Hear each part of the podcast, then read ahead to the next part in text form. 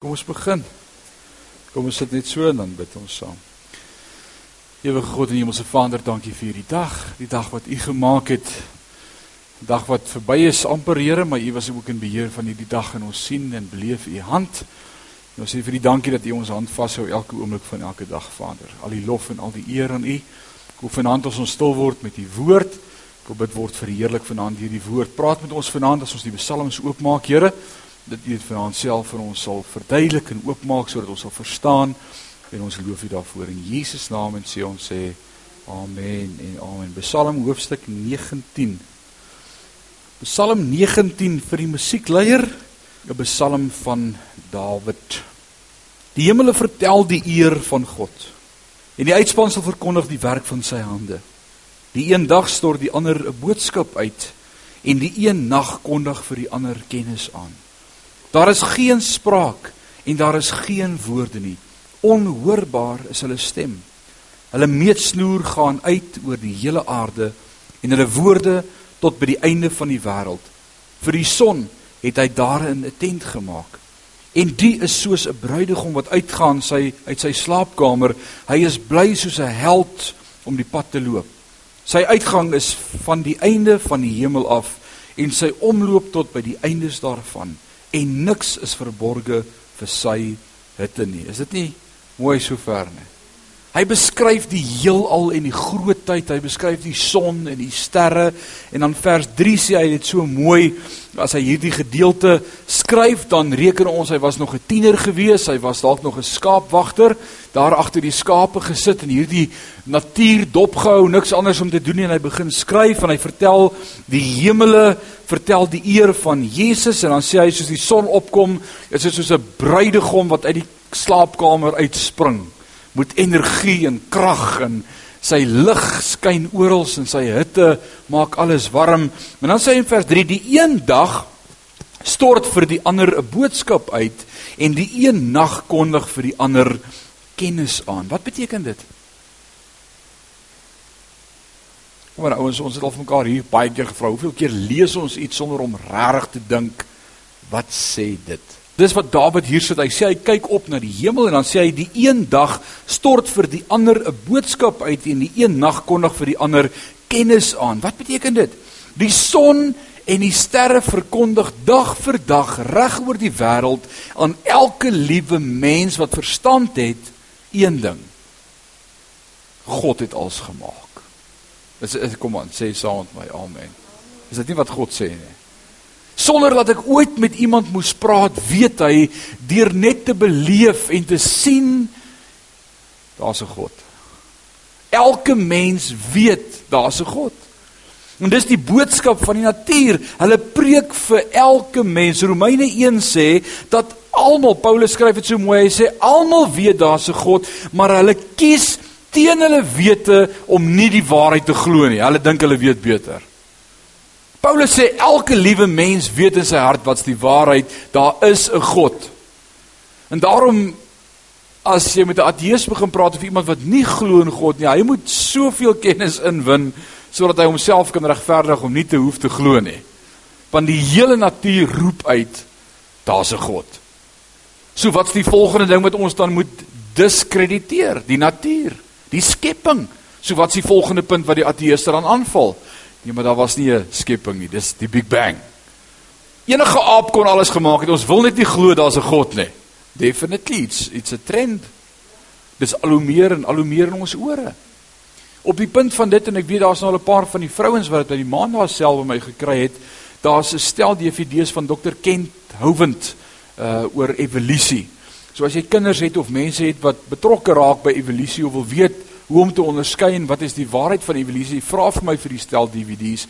Jy kan dit koop te Shareware 6 DVD's uh wat briljant is oor skepping en evolusie, dinosaurs, waar pas wat in en een ding wat hy die hele tyd sê is hulle vergeet daar was 'n vloed, want die vloed het alles verander. Baie interessant. Maar ons die hele wêreld weet daar is 'n God en die woord sê daar's niemand wat ooit sal kan sê hy het nie geweet nie sê die woord van die Here dit nie in die laaste dae ook nie. Hy sal kom ons almal weet. En hoeveel keer het ons nog gewonder nou wanneer gaan almal nou eendag weet? Almal weet klaar. Elke mens weet in sy hart daar's 'n God. Alraight. Dis wat Psalm sê. Hoe kan ek sê elke mens weet dit? Omdat ons soms dink dit gaan moeilik wees om met ander mense te praat oor die Here, maar jy moet onthou wat Dawid sê, elkeen weet reeds. So dit moet vir jou makliker maak volgende keer as jy met iemand wil gaan praat oor die Here, dan jy klaar in jou gedagte die idee maar hy weet klaar daar's 'n God, jy moet hom net help. Want hy struggle om dit te glo, hy ontken dit. Dit maak dit eintlik makliker as jy in jou hart klaar weet iemand weet klaar daar's 'n God, hy hou hom net dom, want dan kan jy lekkerder met hom praat. Dan hoef jy nie van die begin af te verduidelik nie. Jy praat met hom asof jy weet hy weet want eintlik weet hy. Dis lekker om dit te doen. Is die lekkerste vir my nie seuns as ons daai 10 dae af gaan Griekie toe elke Junie, Julie maand as dit skoolvakansie is net ek en hulle twee en ons ons waantjie opslaan daar op die Limpopo rivier en ons kyk vir die olifante en die sterre so mooi in die aande. Man, dis so anderster. Jy's net naby aan God in die skepping, in die natuur en so kalm en ja, uit die redreis. Vers 8 sê: Die wet van die Here is volmaak. Dit verkoop die siel. Die getuienis van die Here is gewis.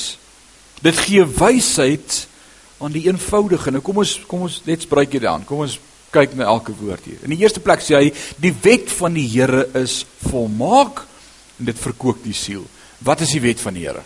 As Dawid skryf in die Ou Testament, hermeneutiek, wanneer is Ou Testament? Voor die kruis. Voor die kruis, Ou Testament, na die kruis, Nuwe Testament. So as Dawid skryf met betrekking tot die wet van God, wat het hulle as groot geword? Wat is die wet van God? Die wet van God is die eerste 5 boeke van die Bybel, die Pentateeg of die Torah. En ek het vir julle gesê as 'n Joodse seentjie so groot is, dan ken hy die eerste 5 eerste 5 boeke van die Bybel uit sy kop. Dis skool. Dis wat hulle leer in die Joodse skool. Hulle leer nie van geskiedenis en van alles nie, want alles is reeds daar. Dit is geskiedenis. Hulle leer van wiskunde. Dis daar. Hulle leer van naaste liefde. Dis daar. Hulle leer van menseverhoudings. Hulle leer van God. Hulle leer van wetenskap. Hulle leer van die skepping. Al die vakke wat 'n Joodjie nodig het, is in die eerste 5 boeke van die Bybel. So as Dawid na die woord van God kyk wat hy gehad het en sê die wet van die Here is volmaak. Daar kort niks. Wat gebeur as jy dit lees? Verkoop jou siel. Wie kan sê amen? Dis wat gebeur as ons die woord van die Here lees. Dawid het dit besef. Niks anders kan 'n harde hart sag maak buite die woord van God nie. En dis wat so mooi is, hy sê the law of God converting the soul. Dit verander my hart. Dis wat die woord van God doen. Is dit nie awesome nie? Jy al agterkom wat gebeur die laaste jaar met jou? Wat konstant in die woord is. Harde hart word sag. Hier's iets wat hier binne gebeur. The word comes out or in the dirt goes out. Is dit nie so nie? Hoe meer die woord in, hoe meer die vuil goed uit. Hoe skoner my hart, hoe sagter word my hart. Jy verstaan hoe jy lyk. Jy verstaan hoekom jy Christus nodig het en hoe meer jy jou sonde bely, hoe meer verander die Here jou. Jy bly nie dieselfde nie. Wie van julle lyk vanaand dieselfde as 'n jaar terug? Steek gou jou hand op. Ek hoop nie daar's een nie. Want dan moet jy nie weer kom nie. Alraight. Ek praat van geestelik. nie vleeslik nie. Alraight. So die wet, die eerste 5 van die boeke, die eerste 5 boeke van die Bybel, die wet is volmaak en dis besig om my hart te verander. En dan sê hy, die getuienis van die Here is gewis. Wat is die getuienis van die Here? Wat sê die Engels? The testimony. What is the testimony? Wat is die getuienis van God? Julle wou dit net nou raai. Nou kan julle dit raai die 10 gebooie.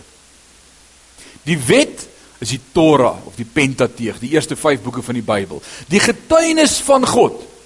Met ander woorde dit wat God gesê het, die getuienis van God is die 10 gebooie. Hy sê dit is gewis. Wat sê die Engels? The testimony of God is sure. En dis vir my so mooi. Want vir almal met wie jy oor die wet van God praat, as jy vir hom sal sê, maar die wet sê jy mag nie doodslaan nie, dan sê hy sure. Dis so, is goed. Die wet is goed. Jy mag nie jou naaste se vrou begeer nie. Dis goed. Sure. Jy mag nie steel wat nie joune is nie. Sure, is is goed, is goeie wet. Alraai. Dawid sê die getuienis van die Here is gewis. Dit gee wysheid aan die eenvoudige. Die ou wat nie lekker verstaan nie, as hy net die 10 gebooie verstaan, gee dit vir jou wysheid. Dis wat hy sê. As ons studente op skool net kan leer om die wet van God te ken en daarvolgens te wandel, nie omdat dit 'n wet is nie, maar omdat dit goed is. Sien baie ouens wil die wet doen vir wet. Nee, jy kan nie die wet doen vir wet nie. Jy kan die wet doen want dit is goed. Alraight. Dit is goed om die wet te doen. Dit is goed om nie jou naaste se vrou te vat nie. Dit is goed om nie te steel nie. Dit is goed om te rus een keer 'n week, die Sabbat te hou. Dit is goed. Dit is goed om vir jou pa en jou ma te luister. En ek wil vir, vir die kinders sê as ons studente net gaan leer om hierdie 10 goed te doen, gaan hulle slimmer wees as hulle onderwysers, want dis meer deurmekaar deesdae. Ek kyk na wat leer ons profs, ons teologiese studente op universiteit. Dan dink ek, liewe hemel, wie het dit vir hulle geleer? Bly net by die Bybel. Scary. Vers 9 sê die beveel van die Here is reg. Hulle verbly die hart. Die gebod van die Here is suiwer, dit verlig die oë. Wat is die beveel van die Here? Wat sê die Engelse Bybel? The statutes. Wat beteken dit? Die insette is 'n ander Afrikaanse woord. Of die verordeninge, dis 'n ander Afrikaanse woord. Die insette van God. Met ander woorde, beveel wat God gegee het rakende dag tot dag lewe. Elke dag, die wet is vol daarvoor. Die Ou Testament is vol van dit. Onthou ek het julle geleer daar's hoeveel wette, verordeninge en insette?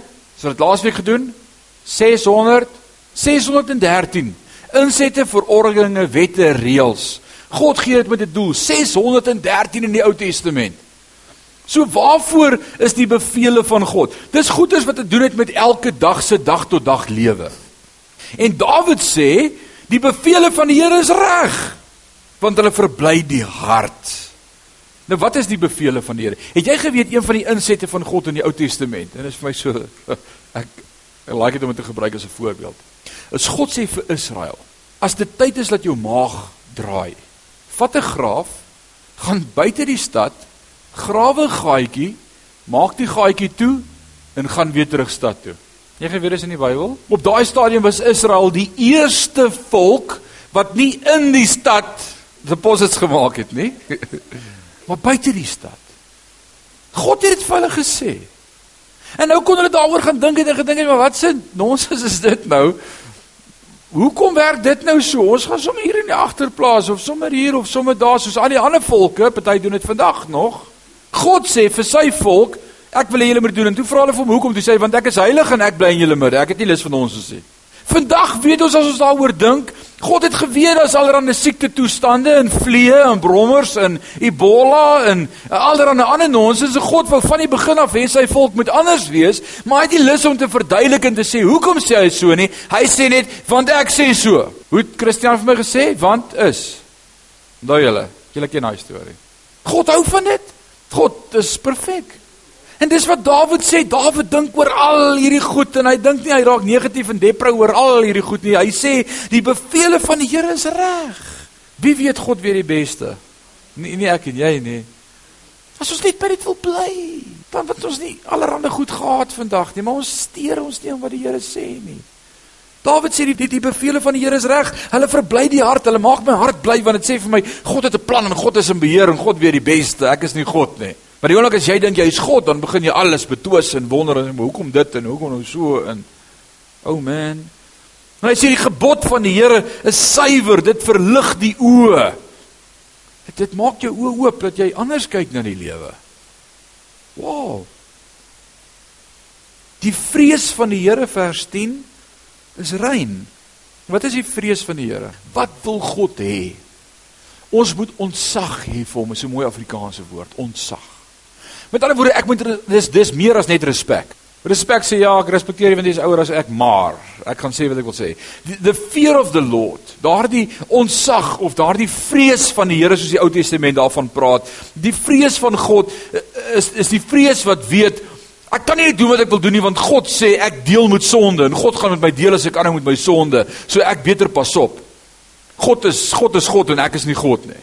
En God laat nie met hom speel nie. Dis daardie daardie wete wat weet God is God is groter as ek. God het hy beweeg in ander dimensies as ek. Interessant, ons is nou laas jaar besig gewees met Johannes by die aanddienste en hierdie jaar by Openbaring.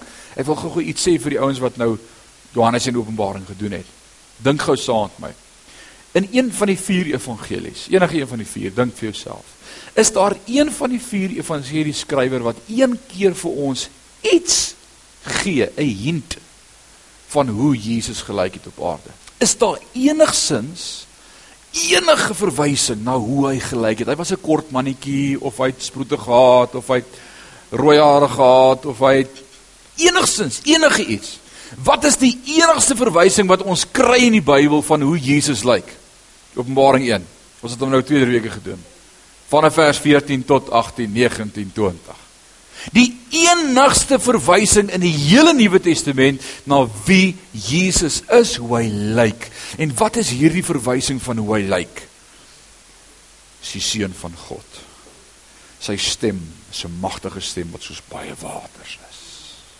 Sy oë soos vuur, sy hare lank wit soos wol. Sy kleed, sy goue borswapen, sy gordel. Hæ? Wie wie wie's die wat is die prentjie van wat die Nuwe Testament wil hê ek en jy moet hê van hoe Jesus lyk? Nie Jan Rapp en sy maat of net nog 'n disipel of net nog 'n mens op aarde nie. Die enigste prentjie wat hierdie hele Bybel skep, wat God wil hê, dis die indruk wat Jesus moet skep. Dis die idee wat jy moet hê en die persepsie wat jy moet jy moet hê van wie Jesus is, is Openbaring 1. Waarvoor gee hy vir ons hierdie prentjie in Openbaring 1? The fear of God. Sodat ek en jy hom kan vrees. Nie bang wees en bewe nie, maar ontsag hê omdat ek na hom kan opkyk en nie myself op sy level sit en sê o, hy was net 5 voet 8 nie, ek is daarom 6 voet. Jy's nie God se maat nie. Alraait. Dis die rede, 'n heilige ontsag. 'n Heilige vrees wat weet Here, U speel nie met sonde nie en ek kom met sonde voor U en eintlik behoort ek nie te staan nie. Ananias en Safira het in die tempel ingekom en net in hulle hart besluit om te lieg en hulle dood neergeslaan. Ek kom met baie meer as net 'n leuen in my hart en U teenwoordigheid. U U is 'n groot heilige God, maar dankie dat U vergewe.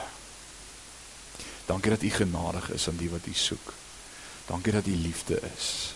Dankie dat U regverdig is. Dankie dat U my nie gee wat ek verdien nie, maar dat U plekke gerei het en vir my gegee het wat ek nie verdien het nie en dat u gevat het wat ek verdien het. Ek het verdien die dood. U het gesê gee dit vir my. U het verdien die koninkryk, heerskappy, priesterskap en u het vir my gegee die ewige lewe. Wow, ek verdien dit nie. Openbaring 1 sê vir ons hoe lyk hierdie prentjie. So as Dawid praat, dan praat hy oor die vrees van die Here is rein. Eintlik sê dit, wat sê die Engels the fear of God or the reverent fear is clean. The correct translation actually is continuous. It says makes clean. Die vrees van die Here maak skoon. Wat sê dit al? Jy kan niks sê behalwe amen nie. Die vrees, die onsag vir God maak dat ek deel met hoe ek lyk en dit maak my voortdurend skoon. Want as ek in die spieël kyk en ek dink wie God is en die vrees vir God, dan sê ek Here, hier's nog iets in my lewe waarmee ek nog nie gedeel het nie. Ek wil nie langer uitstel nie. Ek wil nou daarmee deel help my. Is dit nie wat Dawid sê? Dawid het dit gesnap. Hy sê die vrees vir God maak skoon. Hm, dis pragtig. Hooglied 5 beskryf profeties. Alraight. Wat wat wat het ek nou hier aan vir ons gesê so 1 2 3 weke terug. Wat is Hooglied? Onthou julle? Ek het vir julle gesê wat is die boek Hooglied? Hoe moet ons die hoog die boek Hooglied sien?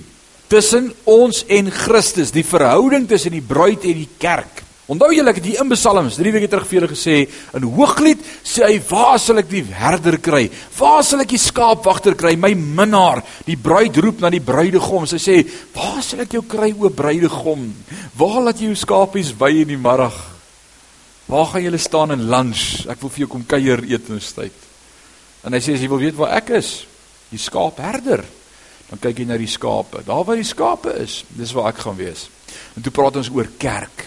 Christus wil hê sy skapies moet in die kerk wees want waar skapies is, daar's hy. Sê dit nie vir ons in die Nuwe Testament as hy sê waar twee of drie bymekaar kom, daar is. Hooglied sê dit eerste. Hm, dis vir my so pragtig. In die Ou Testament is die Nuwe Testament weggesteek, maar in die Nuwe Testament is die Ou Testament geopenbaar. Dis een storie, dis een boek. Great. Die vrees van die Here is rein, dit bestaan tot in ewigheid. Die verordeninge van die Here is waarheid, tesame is hulle regverdig. Wat is 'n verordening? Wat sê die Engels? Judgment. Wat is 'n judgment? 'n Oordeel of wat doen 'n judge? Hy gee 'n uitspraak. En wat is 'n uitspraak anders as dit wat hy besluit? 'n Verordening is 'n besluit. Dis iets wat God besluit het. So die verordeninge van God is God se besluite. As God besluit het om Egipte te tref met 10 pla, dan het God besluit om Egipte te tref met 10 pla. As God besluit het om die 10de plaag te maak, ek gaan al die eersgeborenes van Egipte uitwis, dan het God besluit ek gaan al die eersgeborenes uitwis. Wat sê Dawid daarvan? Hy sê God se verordeninge van die Here is waarheid tesame. Is hulle almal regverdig? Hoe baie keer het ek en jy al die Bybel gelees in die Ou Testament en vir mekaar 'n vraag gevra? Wow. Dis daarom wreed. Ek het dit net nou gehoor. Of uh dis daarom nie fair nie. Dalk het ek en jy dit sommer vandag nog dalk gesê of in hierdie week of in hierdie maand. Of ons lees die Ou Testament en ons lees van wat gebeur het en, en hoe Israel die Kanaaniete toe hulle in Kanaan ingekom het, almal moes tref met die ban, of ons lees daar wat Samuel vir Saul gesê het, Saul, as jy hier uitgaan vir die Amalekiete, dan moet jy almal uitwis, hulle skapies, hulle besies en dan alles moet jy verbrand voor die Here. En die volgende week staan Samuel daar by die deur van die van die die stad se hek en hier kom Saul terug met almal en hy hoor 'n geblær, hy sê, "Wat 'n geblær hoor ek daar in my ore. En hy sê nee nee nee, ons het die mooistes uitgehou om om vir die Here te offer. Is dit wat God gesê het? En hy sê wie is hierdie ou wat hier hulle sê nee, dis die koning van van die Amalekiete. Dis dis die koning van die Amalekiete hierdie. Ons gaan ons het 'n ander plan met hom. Ons gaan nie doen wat jy gesê het nie. Dan dink ons, "Yes, maar is dit fair, Here, om sommer net 'n nasie uit te wis?" Dawid sê al die verordeninge van die Here is reg. Wat sê hy? God maak nie foute nie. Ek wens ons kan leer om dit in ons lewe te glo. In ons eie lewe en met dit wat om ons gebeur. Hoe baie keer sê ons elke dag vir mekaar met betrekking tot politiek, met betrekking tot ons local municipality, met betrekking tot ons paaie, met betrekking tot alles wat gebeur, dis daarom nie reg nie. Wie is in beheer van jou lewe? Jy of God? Maar jy erken dit nie as jy so praat nie. Dawid bely dit, hy skryf dit hier, hy sit en dink en hy sê tesame is al God se verordeninge regverdig. Wow. Dawid, wat sê God van Dawid? Hy was 'n man na my hart. Dawid het nie gaan sit en my gequestion soos Job wou nie. Totdat God met Job begin praat het en gesê, "Nou kom ek vra 'n paar vrae en toe wat sê Job? No more questions. Alles wat hy sê is reg." Ouens, ons moet net leer om op daardie plek in ons geestelike lewe te kom wat ek en jy weet, ek gaan God nie kwestion en, en hy is in beheer. Hy, hy het 'n plan, hy weet wat hy doen, hy's regverdig. God toets ons gesindheid. So hy sê God se wet, die eerste 5 boeke van die Bybel, die getuienis, die 10 gebooie, sy bevele, hoe hy vir ons sê ons dag tot dag moet lewe, die vrees van die Here, ons persepsie oor hom, sy verordeninge of sy besluite, wat doen al hierdie goed saam vers 11? Hulle is begeerliker as goud. Ja, as baie fyn goud en soeter as heuning en heuningstroop. Ook word u knegg daardeur gewaarsku. Wat gebeur as jy God se woord begin lees en al hierdie goed sien en beleef? Hy sê u waarsku ons uit u woord uit. Wat beleef ons elke keer as ons die woord oopmaak? Wat beleef ons vanaand weer as ons lees? God waarsku ons. Dis dit nie awesome nie? En ek wil sê ons kultuur is 'n kultuur wat hulle nie steur aan waarskuwings nie. Ons jong mense op skool, hulle worry nie. Ek dink hulle het nodig om gewaarsku te word. En hoekom is hulle nie gewaarsku nie? Hoekom is hulle naïef? Hoekom doen hulle wat hulle doen? Hoekom raak die tye boser en erger want hulle maak besluite om die Bybel uit die skool uit te haal? As God se woord wat ons moet waarsku nie meer verkondig word nie, wat moet hulle waarsku? Niks. En dis presies wat die duiwel wil hê. Jy moet weet hoe lank ons op pad gestap het met hierdie hoërskool, donderdag vir donderdag, week vir week. Ek is amper 9 jaar hier. Vir 8 jaar was ons betrokke by hoërskool. Laas jaar stop hulle dit. Hulle wil nie meer die woord hê nie. Hulle wil nie meer die woord in ons skool hê nie. Dit bring konflik. God se woord sal konflik bring. Of course. Hy sê ek is twee snydende swaar en ek sny tussen vlees en gees, tussen murg en been. God se woord bring skeiding. Maar jy moenie jou vingers swaai en vir 'n ou sê so sê die woord van die Here nie. Dawid sê dit bring wysheid. Dit waarsku my. Dit wys my hoe ek lyk. God se woord waarsku. Hy sê in die onderhouding daarvan is groot loon. Wie weet om te hou na die woord van die Here het loon.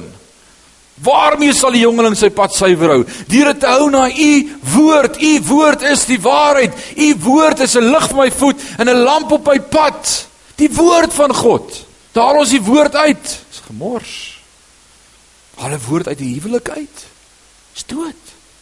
Haal die woord uit 'n verhouding uit. Daar's niks. Haal die woord uit 'n kerk uit. Dis lately waarmee die duiwel by die, duiwel besig is. Om die woord uit die kerk uit te haal. Hulle sê kom ons praat oor ander goed en ons praat oor lekker goed en ons praat oor hoe om beter te voel goed en ons praat Bybelgoedjies, maar ons haal die woord uit. Maar God ons help dat ons nooit die woord sal uithaal uit hierdie gemeente uit nie. As ons nie die woord oopmaak nie, het ons niks om oop te maak nie. Ek het niks om te sê sonder die woord nie, ouens. Sjoe. Vers 13. Lyk my vanaand doen ek een psalm in een hand. Die afdwaling. Die bemerk hulle. Spreek my vry van die wat verborge is. Hou u knegg ook terug van moedswillige sondes. Laat dit nie oor my heers nie. Dan sal ek onbestraflik wees en vry van die groot oortreding. Laat die woorde van my mond en die oordeenking van my hart welbehaaglik wees voor U aangesig, o Here, my rots en my verlosser. Kom ons praat gou oor die verborgenheid van vers 14 in die Nuwe Testament en dan openbaar ons hom gou daar. Hou u knegg ook terug van moedswillige sondes. Laat dit nie oor my heers nie. Dan sal ek onbestraflik wees en vry van groot oortredinge. Wat is moedswillige sondes? Willens en wetens. Wat sê die Nuwe Testament oor opsetlik aanhoudend aanhou met sonde?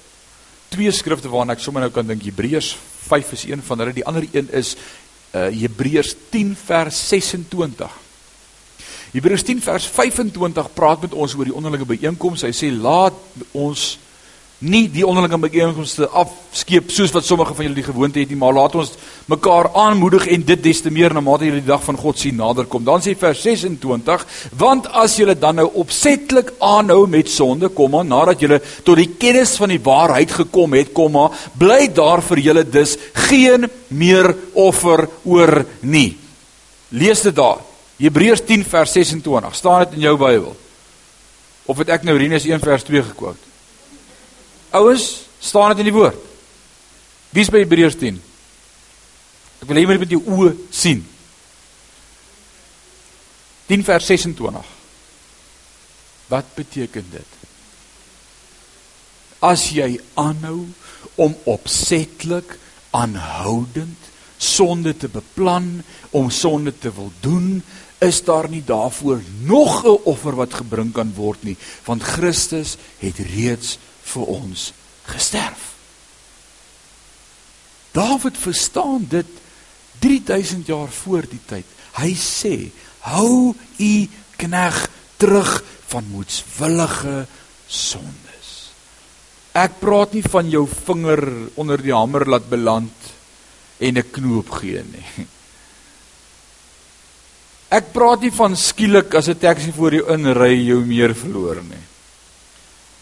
Ek praat nie van onbeplande, skielike, impulsiewe optrede van hierdie ou vlees wat niks anders ken as sleg nie. Wie weet dis die waarheid. Hierdie ding wil net slegte goed doen. Hy is in sonde gebore en ontvang en die woord sê ons gaan met hierdie vlees sukkel Romeine 7 tot die dag dat ons sterf. Dit sal so wees want hy's nog nie verheerlik nie. Dank God daarvoor. Alraight. In die tuin van Eden was daar hoeveel bome waarvan hulle nie mag geëet het nie. Net een? Twee. Watter bome was dit gewees? Die boom van kennis van goed en kwaad en die boom van die ewige lewe. Twee bome. Toe eet hulle van die eerste boom van kennis van goed en kwaad om te kan onderskei. En hulle het gesien hulle is naak. En God is so kwaad. Straf hy hulle deur hulle uit die tuin te sit? Of doen hy dit oor hy vir hulle lief is? Ja, ek vra nie gee vir my die regte antwoord nie. Ek vra sê vir my jou antwoord. Hoekom het God hulle uit die tuin uitgevat? Is dit hulle straf gewees of was dit 'n daad van liefde? Kom ek wys vir jou hoekom sê ek dit was 'n daad van liefde dat God hulle uit die tuin gehaal het. Want as hulle in hulle toestand nadat hulle in die sonnige toestand is, nadat hulle die kennis onderskat het tussen goed en kwaad en klaar gesondig het, sou eet van die tweede boom, die boom van die ewige lewe, sou hulle vir altyd en altyd in die sonnige toestand voortgebly het en nooit kon verander nie, want hulle het 'n vloek oor hulle self gebring. God sê, ek gaan julle uit die tuin sit want ek het julle lief genoeg, ek gaan die vloek verander in 'n seun. Ek sal vir julle kom sterf sodat julle weer die ewige lewe kan hê. sien jy hoe goed hoe goed is God? Hoe lief het God ons? Alraait. Maar die vlees het nog nie gewedergebore nie. Ons is wedergebore in ons gees, maar die vlees ons sukkel met hom. Nou sê Dawid, die opsetlike sonde, die bedinkte sonde. Daai sonde wat jy dink, "Jesus, dis nou Dinsdag, dis amper Vrydag. Wat gaan ons Vrydag aan doen? Kom ons gooi 'n party en ons word dronk." Yes, dit klink lekker.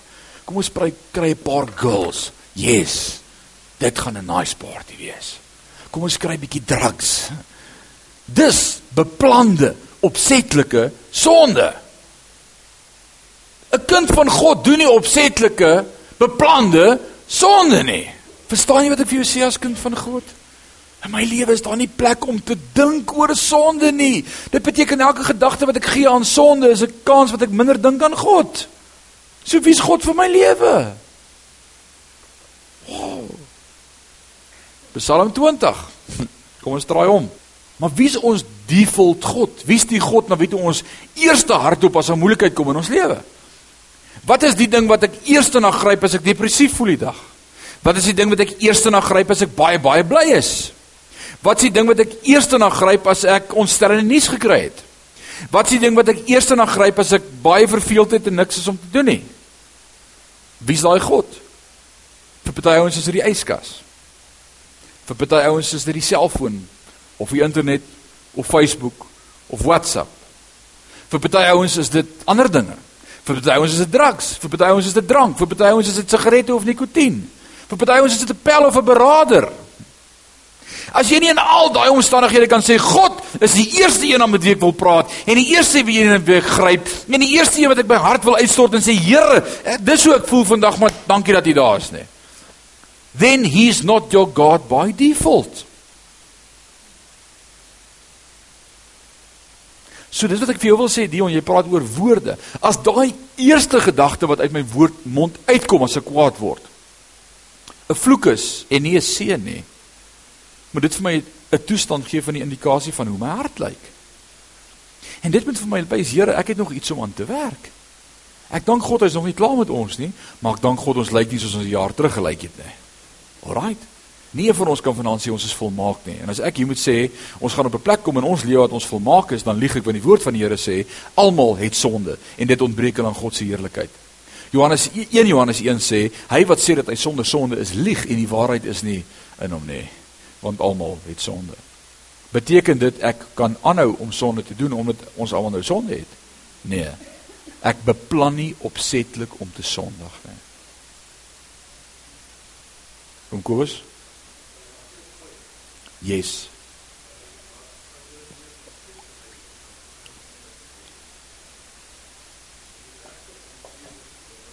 Naamlik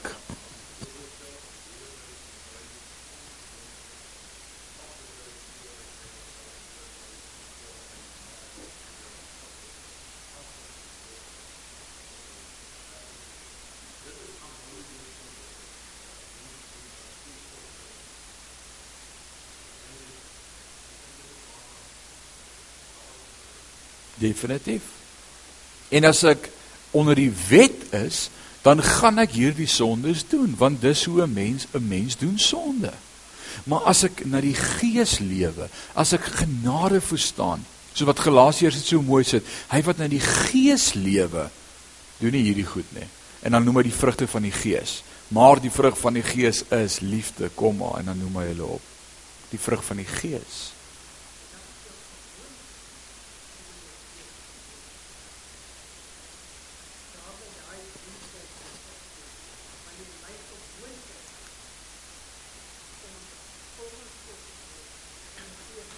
Het ons vir mekaar so 2 weke terug gesê by Openbaring die aand, hoe lyk 'n kind van God wat in die Gees is? Hy hoor die stem van God. Hy reageer, hy's gereed om te skryf. Hy reageer, hy draai om en hy reageer op wat God sê. As hy reageer, maak God sy oë oop en hy begin om hemelse dinge te sien. En as jy dit begin sien, is daar een ding wat met jou gebeur. God vat jou grond toe. En Johannes het soos 'n dooie voor God neergeval. Jy kan nie in God se teenwoordigheid kom en nie vir sy ontsag op jou knieë gaan of op jou aangesig voor hom gaan lê nie. Daar's iets van die grootheid van God. So as ons elke dag na die gees wandel en nie na die vlees nie, gaan die vlees submit. En dis waar vas inkom. Want dis een van die goed wat vas en gebed doen in my lewe. Vas en gebed onderwerp my vlees aan God. Dit sê vir hierdie vlees, "Ekskuus, het jy gesê is honger?" Nee, so ek kan nie hoor nie, ekskuus. Nee, ek gaan nou bid. Dit sê vir hierdie vlees, "Nee. Down." Alright. So stil vanaand, so lekker. Kom ons doen gou Psalm 20. Daar's nog so 10 minute oor. Vir die musiekleier Psalm van Dawid. Mag die Here u verhoor in die dag van benoudheid. Mag die naam van die God van Jakob u beskerm. Hierdie Psalm is geskryf deur 'n koning aan 'n koning by die inhuldiging van 'n koning. Klink verskriklik. 'n Koning het dit geskryf Die koning skryf dit vir nog 'n koning by sy inhuldiging. Alraai. Sê gou vir my wie wie's wie daar? Dawid skryf dit vir Salomo by Salomo se inhuldiging. Pragtig. Nou verstaan jy die prentjie van die agtergrond van Psalm 20. Hy sê vir die musiekleier, dis 'n Psalm van Dawid, mag die Here u verhoor in die nag van in die dag van benoudheid. Mag die naam van die Here van Jakob u beskerm. Nou hier's hier is 'n ding wat ek vir jou wil leer vanaand in die Ou Testament. Dalk het jy dit al gehoor. Dalk is dit die eerste keer. Bly 'n blessing. Parenteties gespreke, gesproke. Waar ook al jy die verwysing in die woord van God sien na die naam van God van Jakob of 'n verwysing na die God van Jakob verwys God altyd na dwaase vatbare weerlose eenvoudige sondige mense As jy lees en hy praat met die mense en hy sê die God van Jakob. Hy sê hier mag die naam van die God van Jakob u beskerm. Wat sê Dawid eintlik tussen die lyne? Ons is maar almal eenvoudig en dom en sondig. Maar as hy verwys in die Bybel na die God van Israel, dan verwys hy na die God van mense wat naby God is, wat in 'n verhouding met God is, wat onderdanig aan God is, wat lief vir God is. En so onderskei hy net deur hoe hy dit sê met watter groep mense hy praat. Nou wat is die verskil tussen Jakob en Israel? Sê gou vir my.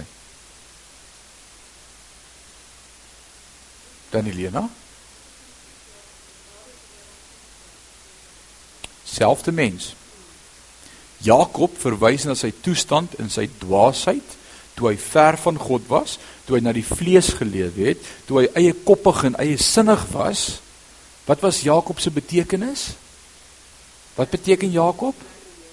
Bedrieër of hakskeen buiter. Hy het sy broer mos in die hakskeen gegryp met geboorte. Toe sê hy: "Nee, waar gaan jy en ek wil eerste wees." Van die begin af nog het hy bedrieg. En toe bedrieg hy sy pa vir die eersgeboorte reg. En hy trek 'n velletjie oor sy arm laat pappa dink dis Esau. Onthou julle? En toe vat pappa so en hy sê: "Jesus, maar jou hare het mooi gegroei."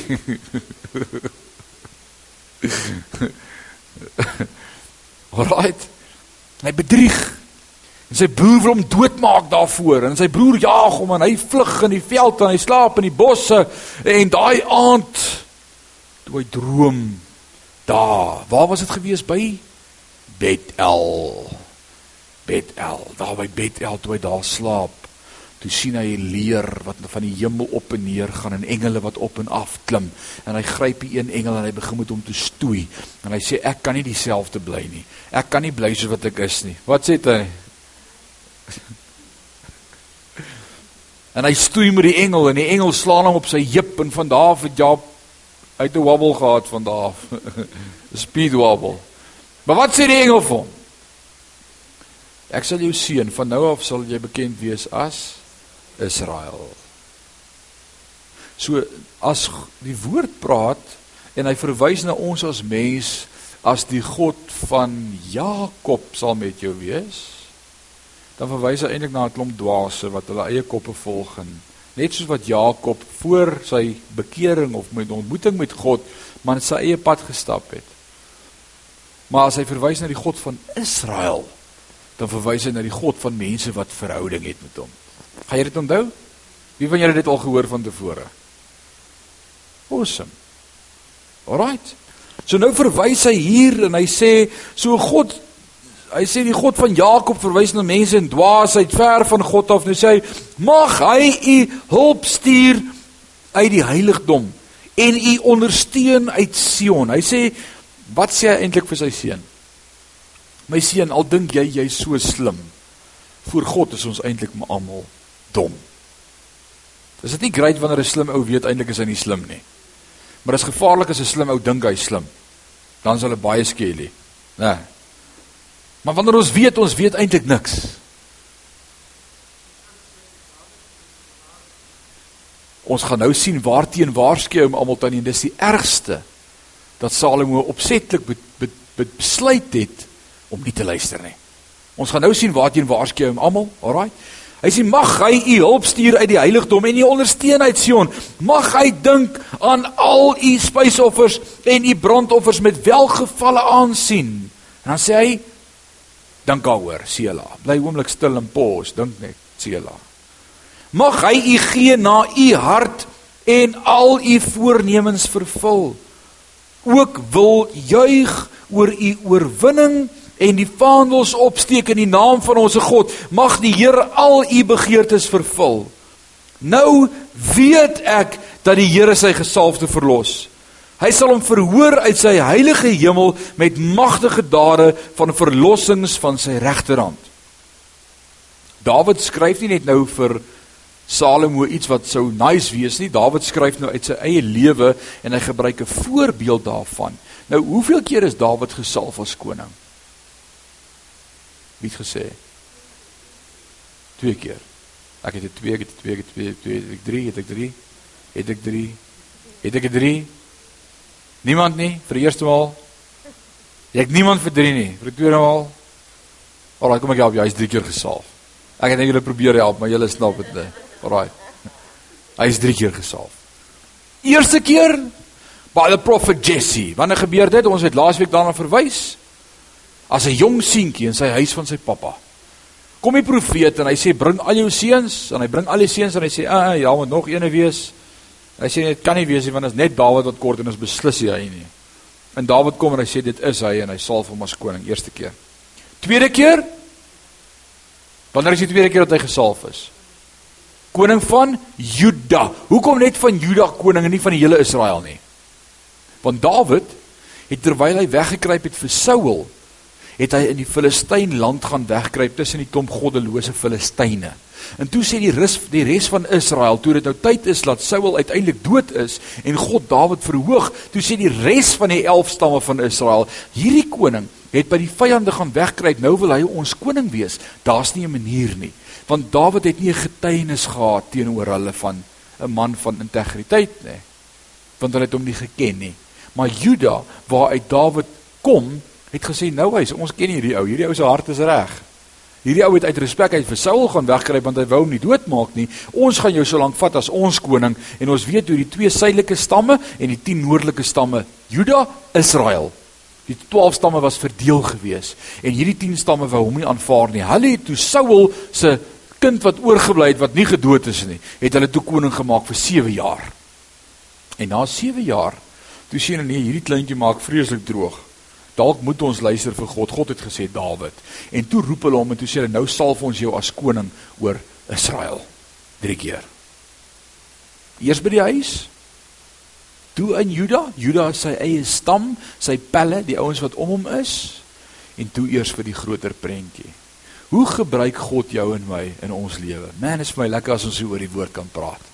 Hoe gebruik God in my jou? Hy begin eers met jou in jou eie huis. As jy nie in jou eie huis 'n getuienis het van wie God is nie, moet asseblief nie daar buite praat oor wie jy dink God is nie. Begin by jou huis. Iemand vra so jaar of twee terug was ons op vakansie en ons praat praat so en hy vra vir my nou wat se werk doen jy en jy weet dis 'n vraag wat ek altyd vir al die karavane ons staan daar en die ou staan met sy biertjie en sy sigaret en ek staan maar daar naby en hoeskante toe en praat met hom want iewers gaan ons by die by die Here uitkom. Ek wil nie net hier met die Bybel in die huis val nie en ek sou my nie snop nie en tot hulle vir my vra wat werk ek.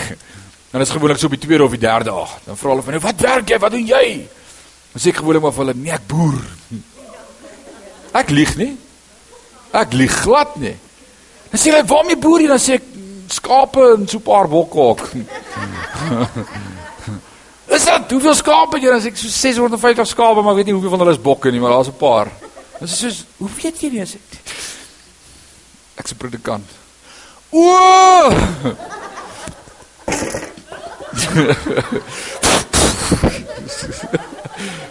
Dis so funny.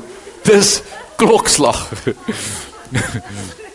Hoopelik dit daai tyd het hulle gesien ek ek kan 'n pel wees en en die awesome is ons hulle bly aan praat. Alraai, maar hulle verander. Nou het hulle hierdie gedagte van godsaligheid. Nou die dominee is hier. Ag, oh, Here. Alraai. Ouens, en hier nou vra vir my nader aan, hoe groot is jou gemeente? Sê ek ons is 4. 4. Sê ek ja, as ek my vrou en my twee seuns. Sê jy huiskerk? Sê ek ja. Dis my kerk. Maar Sondag bedien ek by die groot gemeente en daar's ons 650 lidmate. Nou hoe werk dit? Dis ek want ek is eers priester van my huis. En oor ek in my huis kan priester wees, kan ek ook by die kerk priester wees. Maar die woord sê ons moet begin by ons huise. En dis vir so mooi toe ek dink oor Dawid vandag. Hy hy sê nou weet ek dat die Here sy gesalfde verlos. Hoe's Dawid gesalf? 3 keer. Eers by sy huis. En toe by sy stam, by sy volk, by sy mense. En toe hy daar verhef word na 7 jaar. Toe sê God is tyd, nou begin jy met almal. Jy is nou koning oor almal, oor Israel. Charity begins at home. Wat sê jy daarvan? Dis dis 'n preek op sy eie. Dis 'n preek op sy eie. Kom ons kyk of ons kan klaar kry met Psalm 20. Alraai, vers 8. Sommige roem op strydwaans en ander op perde. Maar ons, wat sê hy vir sy kind? Kyk vir my in my oë. Ons, ons is anders. Wat sê wat sê Joshua vir sy huis? Hy sê ek en my huis. Ja, ek het julle gehoor, ons. Dawid sê vir hom, kyk vir my Salomo, ons sal roem op die naam van die Here, ons God. Ons gaan nie roem op ander goed nie. Ons gaan roem op God. That's it. Nou as jy gaan lees in Deuteronomium 17, skryf dit sommer daar aan die einde of aan die begin van vers 8 daarso in jou Bybel by Psalm 20, dan kan jy self by die huis gaan lees Deuteronomium hoofstuk 17, dan praat God spesifiek met konings en hy sê vir hulle, julle mag nie terwyl julle 'n koning is oor Israel of oor Juda, jou goud laat meer word of jou vroue laat meer word of jou perde of jou strydwaans of jou besittings laat vermeer. Met ander woorde, jy mag nie voordeel vir jouself trek uit hierdie ampt as koning nie. Die voordeel moet na die volk gaan. Gaan lees dit self. Wat het Salomo gedoen? Wat sê Dawid hier vir Salomo? Hy sê sommige roem op strydwaans en ander op perde, Salomo, dis wat die wêreld doen. Maar ons ons roem net op God. Kyk vir my Salomo, hoor jy wat pappa vir jou sê? Ons roem net op God. Wat het Salomo gedoen? Hy het vir hom goud bymekaar gemaak. Goud was so volop, dit het eintlik vervuil. Goud het geen waarde gehad nie want alles was goud. Die tempel was goud, die mure van die paleis was goud, die toilet was alles was goud. Alraight. Dit het geen waarde gehad nie. Hoeveel perde en strydwaans het hy gehad? Alraight. Ons was daar by Megiddo geweest waar Salomo se stad was waar die perde stalle stalle stalle stalle hy het net perde gehad. Vroue? Een uit elke land. Alright hy het gekyk hoeveel kon hy hê. En so het hy al die goed wat sy pa vir hom probeer leer het en die woord van God het hy nie na geluister nie. So hartseer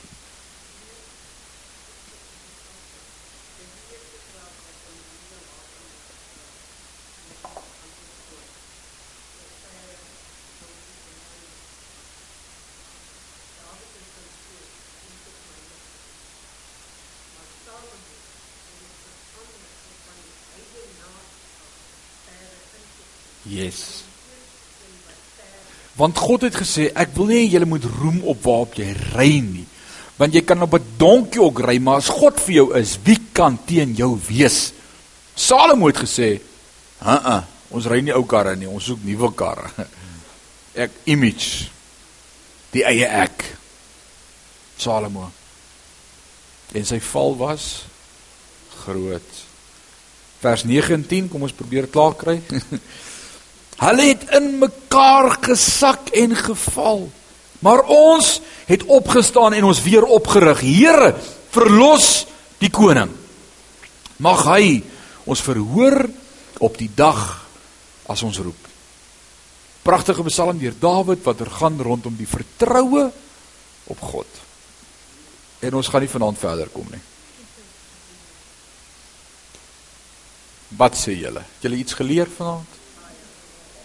Ouens, dis awesome as ons die woord van God kan oopmaak en kan ontdek hoe die woord van God met ons praat. O oh man. Kom ons staan en bid ons saam. Ewige God en Hemelse Vader, wat 'n voorreg om vanaand die woord te kon oopmaak. Here, ons wil vanaand net weer soos elke keer as ons die woord oopmaak, verbaas staan oor die grootheid en die insig en die kennis en die wysheid en die oorleg waarmee u woord geskryf is. Here, u woord is die padkaart in ons lewe. U woord is die kompas op ons pad. U woord is die lig vir ons voet. U lig, u help ons om ons pad suiwer te hou. Hoe sal ons ons pad suiwer hou sê u woord deur dit te hou na u woord. En ek wil vanaand bid vir elkeen in hierdie plek, Here. Ek weet Heilige Gees dat u vanaand met elkeen van ons gepraat het. Die beste is dat hy vir elkeen iets anders gesê het. O, Here, U is groot en U is awesome. Ek wil vanaand bid vir elkeen, die Vader, dat ons vanaand hier uitstap. Vanaand nie 'n las of 'n of 'n of 'n groot 'n gewig op ons sal wees wat ons depressief en hartseer maak nie, maar dat vanaand vir ons een ding sal sê van wie U is. U is so awesome en U sê ek soek jou hele hart. Mag ons vanaand in die spieël kyk van die woord en onsself weeg en sien hoe ons lyk. En dankie dat U ons verander. Ons het U lief. Ons loof U daarvoor en sê ons sê amen en amen. Mag die Here julle bless hierdie week. Mag julle 'n awesome week hê. Amen.